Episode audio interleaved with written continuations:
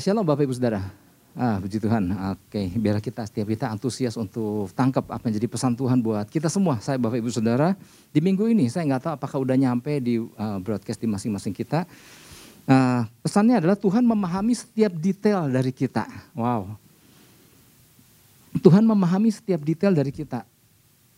Apa nih kira-kira yang mau Tuhan sampaikan sampai dia pesan buat saya Bapak Ibu Saudara bahwa dia paham setiap detail kita. Rasanya ada yang bertanya-tanya tentang Tuhan. Tuhan kau kenapa begini, kenapa begitu. Seolah-olah kayak Tuhan gak tahu gitu. Tapi saya menangkap bahwa melalui pesan ini Tuhan mau katakan gini. Jangankan engkau, aku lebih tahu setiap bagian daripada diri kita. Yang sering kali kita juga nggak nggak pahami.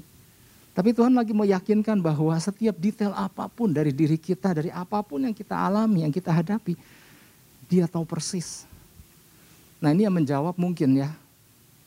Ada hati-hati yang mungkin galau, ada hati-hati yang mungkin bertanya-tanya, ada hati-hati yang mungkin merasa sendiri. Di tengah keramaian banyak orang, di tengah keluarga, tapi tetap merasa sendiri. Nah Tuhan mau kasih, mau meyakinkan kita melalui pesannya. Lukas 12 ayat 7. Saya mau ajak kita baca ber, uh, bersama-sama satu ayat yang gak panjang ini. Satu, dua, tiga. Bahkan rambut kepalamu pun terhitung semuanya. Karena itu jangan takut. Karena kamu lebih berharga daripada banyak burung pipit. Mestinya kita baca dari ayat satu, tapi nanti baca sendiri ya. Oke, saya mau ceritakan latar belakangnya kenapa Yesus sampai ngomong ini sama murid-murid ya. Jadi di situ dijelaskan bahwa Bapak Ibu Saudara Yesus sebenarnya waktu itu lagi di tengah orang banyak. Bahkan ribuan orang. Orang-orang yang siap mendengarkan pengajaran Yesus. Nah namanya ribuan orang berbagai kalangan. ya Ada murid-murid tentunya juga ada kaum farisi ada di situ. Nah secara entah secara pribadi atau gimana Yesus kasih tahu sama murid-muridnya ya terhadap murid-muridnya secara khusus Yesus kasih tahu gini bahwa waspada terhadap ragi yaitu kemunafikan orang Farisi. Nah secara pribadi Yesus ngomong itu sama murid-muridnya, hati-hati sama yang ragi, namanya ragi. Apa sih ragi itu? Yesus lagi bicara soal kemunafikan, kemunafikan dari orang Farisi.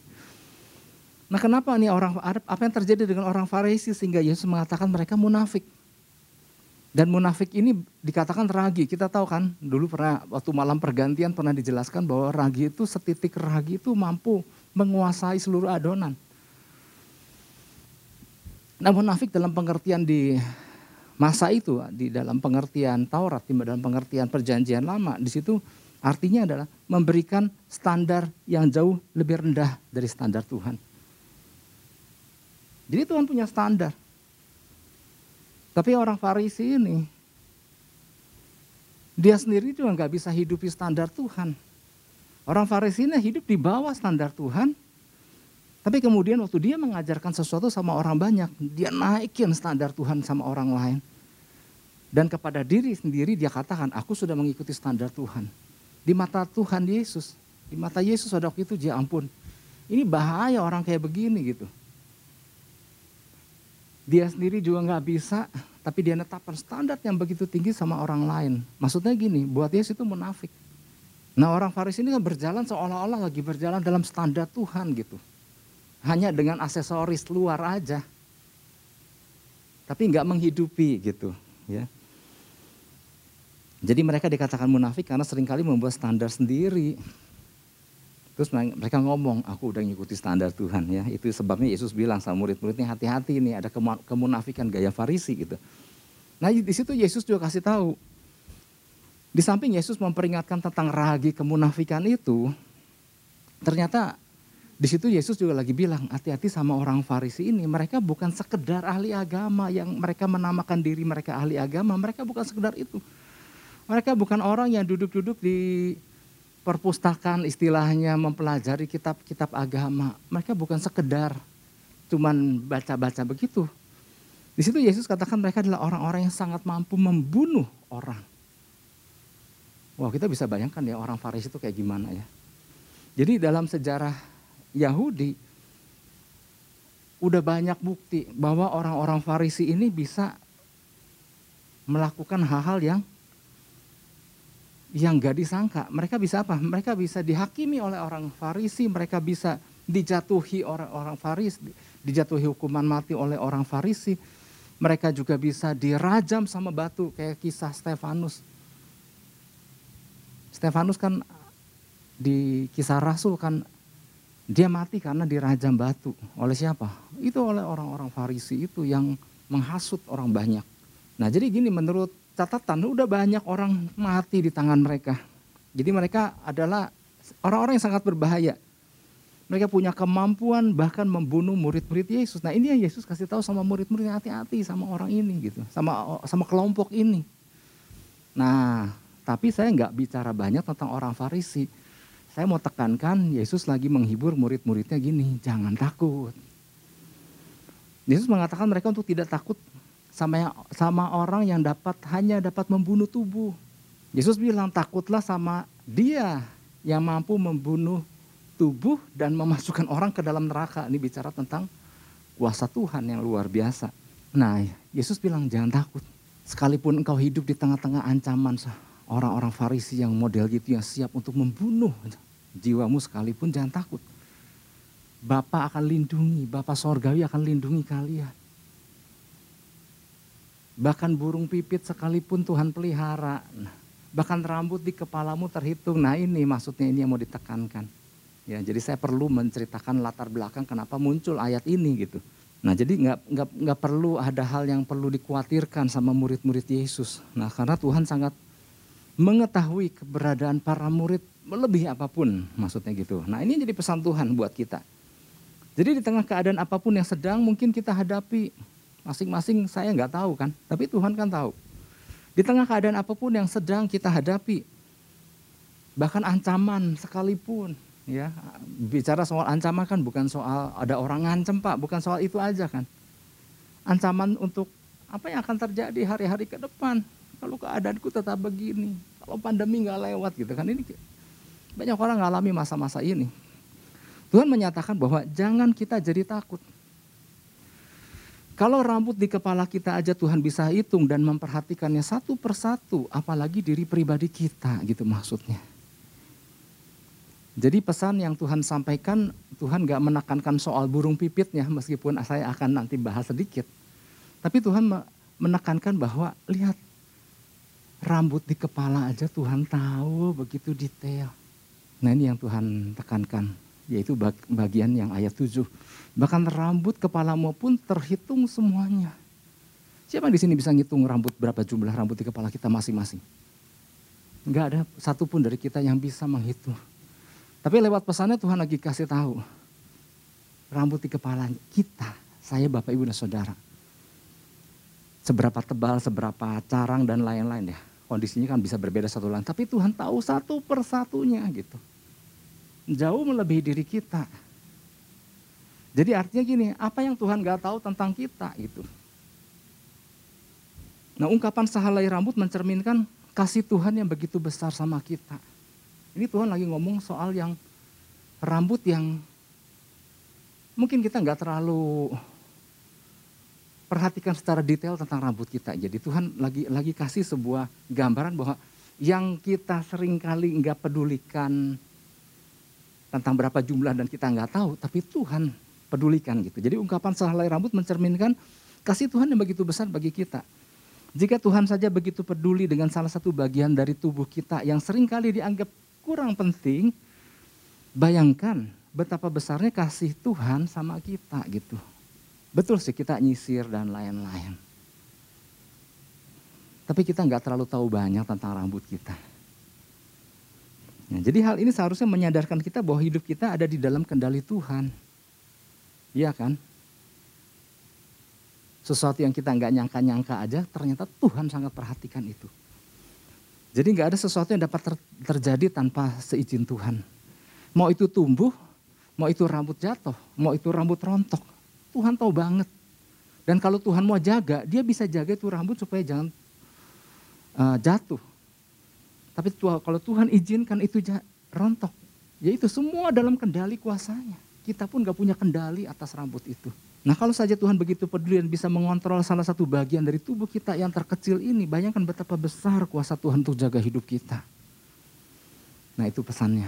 Oke sekarang kita masuk ke dalam penjelasan. Jadi beberapa hal yang perlu kita pahami berkaitan dengan pesan. Kenapa Tuhan kasih pesan tentang soal rambut. Tuhan tahu banget secara detail. Tuhan tahu apa yang ada di kepala kita. Yang sering kali kita hanya selewat cuman nyisir aja atau ganti-ganti model dikit, tapi Tuhan lagi mau katakan jauh lebih detail. Tuhan tahu tentang siapa rambut yang ada di kepala kita. Belum lagi bagian-bagian yang lain, tetapi Tuhan tekankan soal rambut. Yang pertama gini, betapa kita berharga dalam pandangan mata Tuhan. Ada dalam kurung, selayaknya tunjukkan penghargaan kita kepadanya. Tuhan sangat menghargai kita, sangat menghargai bagian yang terkecil dari diri kita Masa sih dia nggak tahu tentang kondisi kita gitu maksudnya. Nah kalau kita paham itu, selayaknya tunjukkan rasa hormat kita sama Tuhan. Lukas 12 ayat 7 ya, ayatnya masih sama, bahkan rambut di kepalamu pun terhitung semuanya. Karena itu jangan takut, karena kamu lebih berharga daripada banyak burung pipit. Nah ketika Yesus sedang meyakinkan para murid untuk tidak jadi takut dan khawatir terhadap tindakan yang bisa dilakukan oleh kaum Farisi terhadap para pengikut Yesus, Yesus menggunakan dua macam contoh ada binatang, ada benda. Ya. Nah, burung dan rambutnya. Bagi sebagian orang, contoh yang Yesus mau sampaikan yang Yesus sampaikan kepada murid itu dianggap contoh remeh. Apa sih gitu? Tapi lewat contoh ini, Yesus lagi kasih tahu. Yang orang lain gak perhatikan. Misalnya yang pertama gini, burung pipit. Siapa sih yang mau dikasih burung pipit? Siapa yang mau dikasih burung pipit di sini? Burung pipit tuh burung yang ada di depan tuh suka kalau kalau kalau ada kalau ada ada guyonan bilang burung yang agamanya Kristen apa gitu ya. Itu pipit, burung gereja. Sparrow. Yang coklat itu. Yang bisa ada di mana-mana. Nah, siapa yang mau dikasih burung itu gratis? Gratis pun gak mau, Pak udah nggak ada bagus-bagusnya kan warna coklat gitu ya. Eh tapi Yesus lagi ngomong, jangan pikir itu burung remeh. Siapa yang pelihara mereka gitu maksudnya. Sesuatu yang orang lain anggap remeh, yang orang lain juga nggak mau memiliki itu. Bahkan Alkitab mencatat ini harga murah banget. Injil Matius bilang harganya satu ekor seduit. Seduit itu adalah uh, koin koin tembaga di masa itu. Tapi dolar Amerika juga punya seduit, yaitu satu koin tembaga yang namanya satu sen atau disebut penny. Itu kecil banget. Injil Matius mengatakan bahwa dua ekor dijual seduit. Murah banget. Sama koin termurah pun dapat dua gitu. Tapi Injil Lukas mencatat harganya lima ekor seduit. Dia lagi ngobrol juga aja Lukas. Lebih murah lagi kalau mau beli beli sama aku gitu. Enggak, saya bercanda. Injil Lukas mencatat lima ekor seduit. Artinya gini, ini burung murah banget gitu. Tapi yang, yang yang Yesus lagi mau sampaikan gini, sesuatu yang kau anggap remeh. Kenapa mereka bisa hidup berterbangan dengan begitu sehat? Karena aku pelihara, karena Bapak pelihara mereka. Bahkan di dalam Injil Matius tentang lagi Yesus menjelaskan tentang hal kekhawatiran Yesus pakai contoh lagi burung ini. Ini burung nggak menabur, burung ini burung ini nggak menuai, nggak nyimpan bahan di dalam lumbung. Tapi mereka dipelihara Tuhan. Tuhan kasih mereka makan. Buat sesuatu yang orang nggak perhatikan, tapi ternyata Tuhan perhatikan sampai ke burung-burung pipit.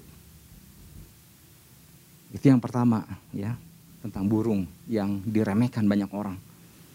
Kedua bicara soal rambut. Demikian pula rambut. Jumlahnya begitu banyak di kepala manusia ya relatif lah ya. Tapi tetap kan nggak bisa dihitung. Seringkali nggak begitu dipedulikan manusia berapa hal yang tumbuh dan berapa hal yang rontok. Ya apalagi yang rambutnya tebal dan gomplok. Ya nyisir, habis nyisir nyangkut banyak ah dulu dulu jadi mau jadi mau curhat sedikit. Dulu saya kalau ada yang bilang ada rambut putih di kepala gitu ya. Saya nggak nggak pergi ke cermin dan cari rambut putih saya gini, di mana? Di sini. Saya untal-untal ya, saya cabut. Berikut hitam-hitamnya. Karena saya pikir rambut saya banyak. Sekarang kalau orang bilang ada rambut putih di kepala, saya bilang saya ambil cermin. Yang mana? Saya gunting satu supaya jangan kena yang lain. Lagi diawet-awet gitu Bapak Ibu Saudara. Ini mukanya jangan kayak lagi ngetawain gitu juga. Tapi artinya tetap meskipun begini, meskipun mulai menipis, nggak ada yang, saya juga nggak bisa ngitung. Jumlah ada berapa rambut di kepala saya, apalagi yang gomprok. Semua hanya sibuk mungkin tentang model, tentang merapikannya gitu ya. Tetapi ternyata gini Bapak Ibu Saudara, Tuhan sangat peduli tentang detail setiap helai daripada rambut kita. Dan satu satu persatunya Tuhan tahu jumlahnya. Yesus mengatakan bahwa sekalipun tidak diperhatikan oleh pemilik rambut, namun rambut berada dalam perhatian mata Tuhan.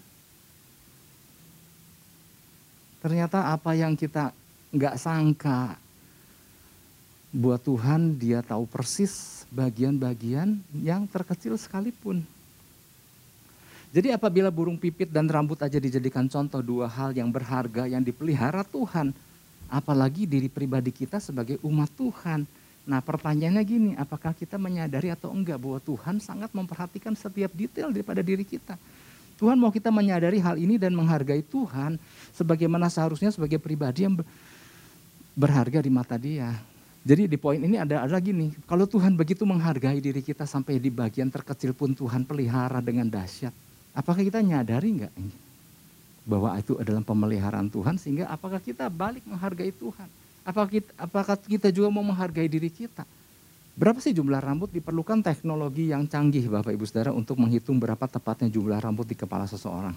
Ya kalau kalau random sih bisa ya, ambil contoh berapa sentimeter persegi, udah gitu kali berapa luas, kurang lebih kurang lebih diketahui berapa jumlah rambut. Tapi tetap nggak bisa persis tahu.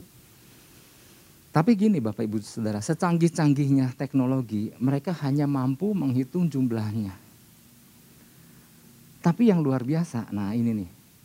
Bahkan rambut kepalamu pun terhitung semuanya. Yesus bukan cuma mengatakan kepada murid-murid bahwa jumlah rambut kita dapat diketahui lah kalau cuma sekedar diketahui jumlahnya mesin pun bisa teknologi pun bisa mencari tahu berapa tepatnya jumlah rambut di kepala kita. Tetapi kata kata terhitung ini, kata terhitung ini aritmeo. Ya kalau kita pernah mendengar aritmatika, kalau kata terhitung aritmeo ini bukan sekedar diterjemahkan dalam hal jumlah aja. Nah ini yang luar biasa, ini yang membuat kita terkagum-kagum. Ternyata kata aritmeo ini mengandung arti gini, setiap helai ini Tuhan kasih nomor. Jadi bukan Tuhan bisa menghitung berapa jumlahnya, setiap helai ini Tuhan kasih nomor identifikasi. Wow, ini luar biasa. Tuhan identifikasi satu persatu lalu istilahnya nih berdasarkan kata ini aritmeo ini Tuhan memberikan nomor identifikasi buat setiap lembarnya. Jadi setiap lembar rambut ini Tuhan catat. Nah kalau bicara setiap lembar dikasih nomor, kira-kira ini artinya benda ini benda biasa atau benda berharga Bapak Ibu? Apa sih yang suka dikasih nomor seri? Kendaraan, nomor mesin, nomor rangka. Kenapa? Sesuatu yang berharga. Kalau ibu-ibu punya tas, tas-tas tertentu ada nomor seri. Dompet-dompet tertentu, merek-merek tertentu, itu ada nomor serinya. Kenapa? Karena bernilai. Dan dibuat satu persatu sesuai nomor serinya. Kalau ada Bapak Ibu Saudara pakai kacamata merek tertentu, itu ada nomor serinya. Artinya apa? Artinya bernilai. Nggak dibikin sembarangan. Semua tercatat. Ternyata helai demi helai dari rambut kita, kata aritmeo mengandung arti semua ada nomor serinya. Saudara kalau satu kata terhitung ini aja kita renungkan, kita pahami, mestinya kita terkagum-kagum sama Tuhan Ketika kita nyisir ada yang lepas, nyangkut di sisir, apa yang ada jatuh di lantai. Ya ampun, Tuhan nomor seri berapa ini yang jatuh gitu. Tapi Tuhan tahu nomor mana yang jatuh, nomor mana yang masih kuat nempel. Jadi artinya gini, Tuhan mau kita yuk belajar menghargai. Umat Tuhan seharusnya mengerti hal ini betapa Bapa Sorgawi mencintai kita. Tahukah kita bahwa sedemikian berharganya nilai kita ini? Jadi gini, rambut aja Tuhan nilai begitu berharga sampai dikasih nomor seri apalagi diri kita. Itulah sebabnya untuk membebaskan kita dari belenggu dosa. Bapak Sorgawi perlu turun ke dunia mengambil rupa manusia untuk tebus itu. Karena kita tuh berharga, karena kita tuh bernilai. Sampai perlu nyawa dikorbankan di kayu salib. Sehingga dia rela melepaskan kealahannya dan jadi serupa dengan manusia disiksa untuk tebus kita. Kita tuh begitu berharga. Jangankan kita, ini rambut aja berharga di mata Tuhan. Saya percaya Tuhan lagi menjawab setiap kegalauan, keraguan-raguan, pertanyaan-pertanyaan yang tidak mendapat jawaban. Tuhan lagi mau meyakinkan bahwa bagian yang kamu nggak perhatikan aja aku hargai, apalagi kamu gitu maksudnya. Wow. Nah jika kita oleh sebab itu berdasarkan poin yang pertama ini Tuhan mau gini. Apa dong respon kita kalau kita ternyata tahu bahwa Tuhan begitu menghargai kita. Nah Tuhan mau selayaknya kita kasih penghargaan terhadap diri kita. Tuhan mau kita kasih penghargaan cara menanggapi Tuhan yang dahsyat itu. Karena gini Bapak Ibu Saudara, ketika orang kehilangan rasa penghargaan kepada Tuhan atas hasil ciptaan Tuhan, maka waktu mereka menjalani kehidupan, mereka orang-orang yang nggak tahu menghargai. Akhirnya nggak ngalami apa-apa. Wow. Jadi jadi gini, jika kita hidup dalam pengetahuan akan betapa berharganya kita, betapa besarnya kasih Bapa sama kita, maka hidup kita pasti penuh dengan yang namanya hal-hal dahsyat dari Tuhan. Kalau kita tahu menghargai. Seringkali kan banyak orang percaya yang tahu men, taunya menuntut. Mengapa Tuhan? Mana Tuhan? Kapan Tuhan? Nah tapi kalau hari ini Tuhan ingatkan bahwa betapa kita begitu berharga. Nah kalau kita responi dengan sikap kita. Maka di situ barulah berkat yang luar biasa. Jadi ada istilah supernatural blessings kita terima. Favor yang luar biasa yang dikatakan highly favor kita ngalami dan kasihnya yang dalam kita alami. Karena gini, ada ada istilah gini, good things happens to those who believe God loves them. Apa sih? Maksudnya gini, semua hal yang baik akan terjadi kepada orang yang percaya bahwa Tuhan mengasihi dan menghargai mereka. Kita baru bisa menikmati segala berkatnya kalau kita tahu menghargai betapa Tuhan menciptakan kita dahsyat dan Tuhan punya rencana atas kehidupan kita. Kalau orang yang nggak peduli tentang keberadaan dirinya dan tahunya menuntut, maka dia nggak pernah mengalami hal-hal yang dahsyat dari Tuhan. Jadi sesuatu yang dahsyat itu hanya dialami oleh mereka tahu menghargai tentang kasih Tuhan yang luar biasa pada dirinya. Nah, bagian kita adalah gini, Tuhan mau tunjukkan penghargaan kita sama Tuhan dengan meresponi kasihnya dan mulailah berjalan dalam keintiman dengan dia. Karena kita baru menyadari kan lewat pesannya bahwa ternyata rambut aja dia begitu perhatikan dengan dahsyat. Terlebih diri kita. Nah kalau kita tahu itu, mulailah berjalan dengan keintiman. Saya mau kasih perbandingan gini. Dulu aja waktu mungkin orang-orang yang sudah menikah aja. Kenapa bisa memutuskan untuk memilih pasangan yang hidup bersama dengan kita sampai hari ini? Kenapa? Karena dulu kan kayaknya gitu calon pasangan kita dulu itu kita anggap dia lebih perhatian daripada orang-orang, daripada pesaing-pesaing lain. Kayaknya aku pilih dia. Kayaknya dia perhatiannya sangat besar. Ya mungkin hari ini nggak tahu perhatiannya masih bertambah besar atau jadi berkurang nggak tahu deh ya. Tetapi itu aja kita memutuskan untuk mau berjalan dalam pernikahan dengan orang itu. Apalagi sekarang dengan Tuhan yang bukan saja memperhatikan, dia tahu setiap detail kita, dia begitu menghargai kita, dia begitu mengasihi kita. Masa sih kita nggak mau berjalan bersama dia dalam keintiman? Saya ingat di dalam Yesaya 40 ayat 31 kan pesan Tuhan di awal tahun 2022. Tentang, coba kita buka ya. Orang yang menanti-nantikan Tuhan mendapat kekuatan yang baru. Seperti Raja Wali yang terbang tinggi dan kekuatan sayapnya. Nah, Kenapa Tuhan waktu itu pesankan tentang pentingnya kita menanti-nantikan dia. Kita ngerti ya, waktu itu dijelaskan. Hal menanti-nantikan adalah tentang bagaimana kita duduk diam berstengkrama dengan Tuhan.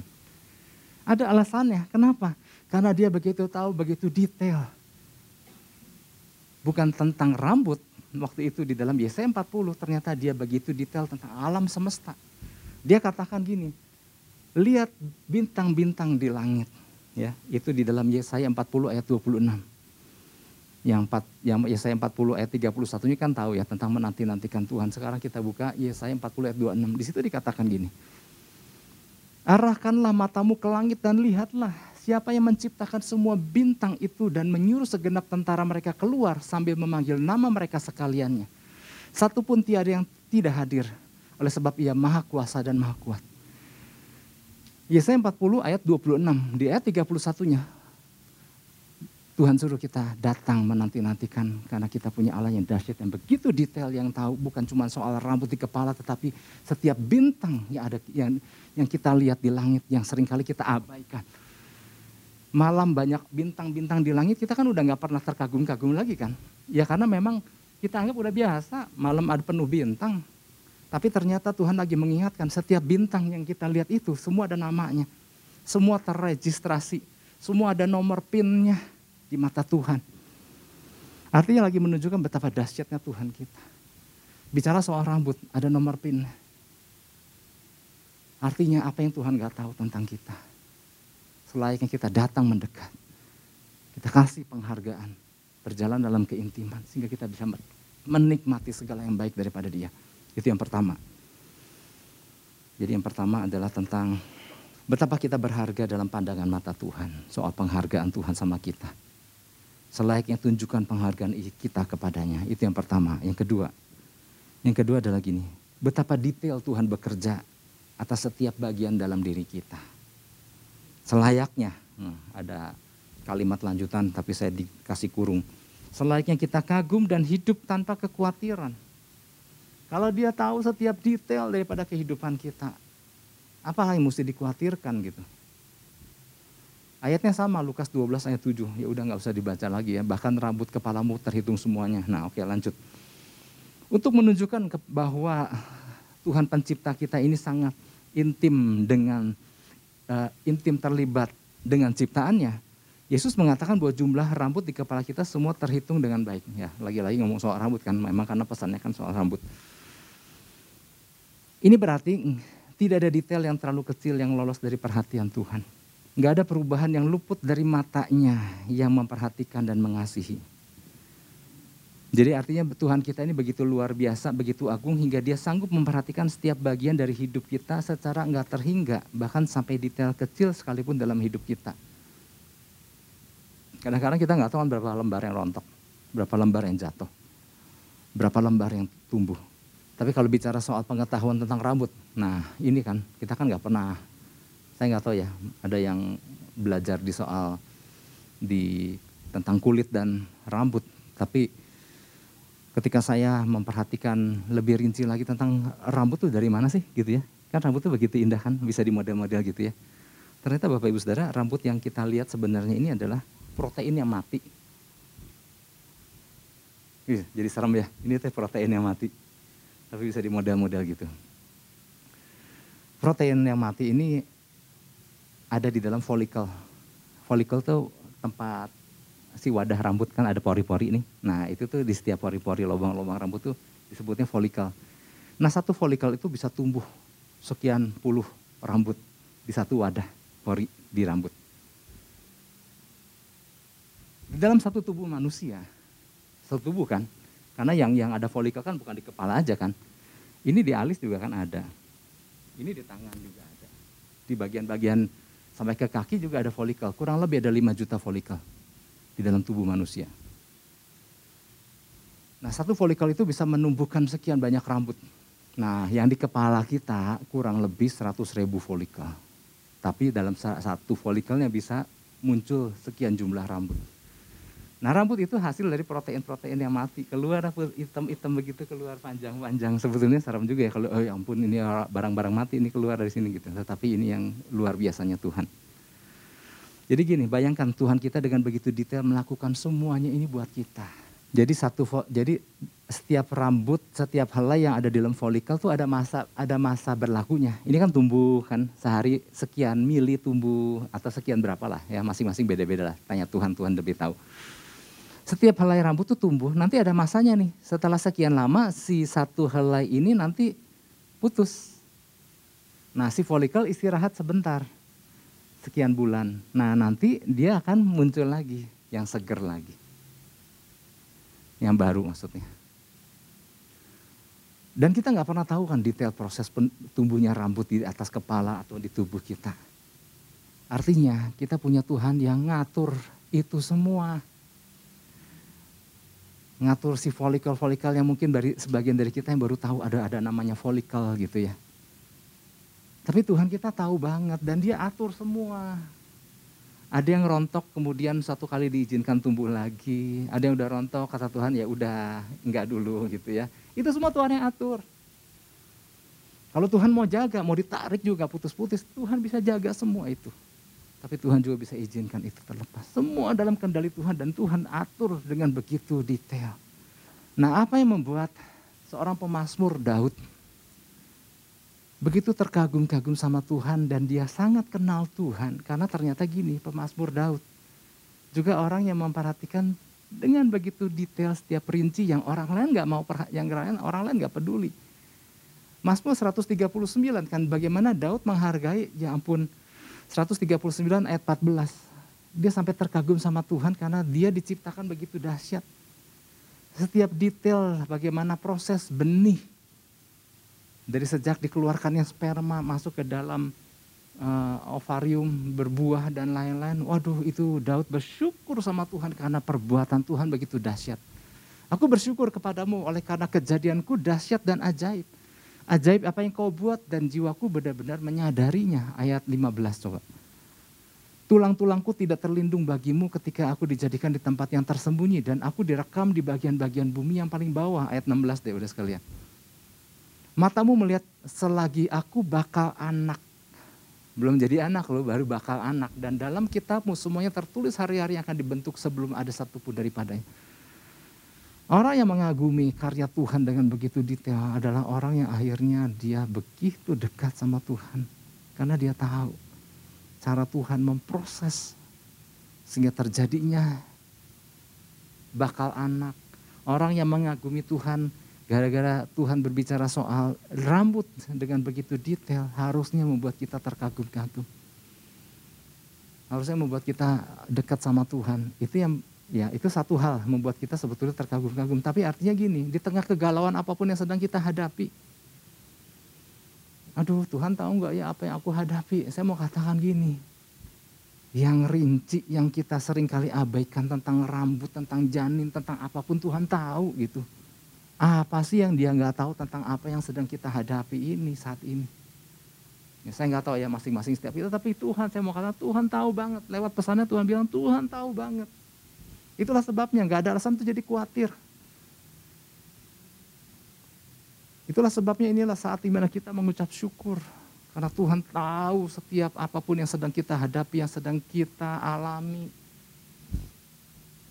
mungkin ada yang mengalami kesesakan, mungkin ada yang mengalami kesendirian, mungkin ada yang mengalami ancaman, ketakutan apa pun. Lewat pesannya Tuhan bilang, Tuhan tahu banget. Itulah saatnya sebetulnya, saatnya kita tenang. Kita serahkan perkara kita sama Tuhan dan berjalanlah bersama dia. Kalau Tuhan mempercayakan kita sebagai prajurit, inilah sebetulnya kita mengucap syukur gitu ya. Siapa sih? Ini prajurit bukan prajurit sembarangan kan? Ini prajurit prajurit special special force. Kapan berlatihnya?